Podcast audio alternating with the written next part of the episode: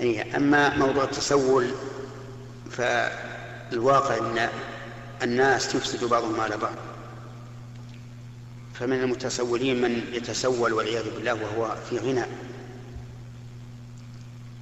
وهذا يصدق عليه قول الرسول صلى الله عليه وسلم لا يزال الرجل يسأل الناس حتى يأتي يوم القيامة وما في وجهه مزعة لحم.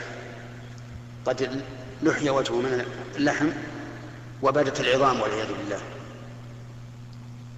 وإذا علمت أنه غني وجب عليك أن تطرده وأن تبين الناس غناه حتى لا يغتروا به. وإذا غلب على ظنك أنه غني فلا تعطه وانصح.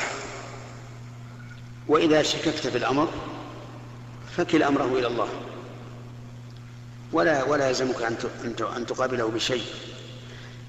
ولكن يبقى النظر أن من الناس المتسولين من يقوم أمام جماعة ويتكلم بصوت مرتفع فيشوش على الناس أذكارهم بعد الصلاة أو يستمر بالكلام حتى يشوش على من أراد أن يقوم ويتنفل.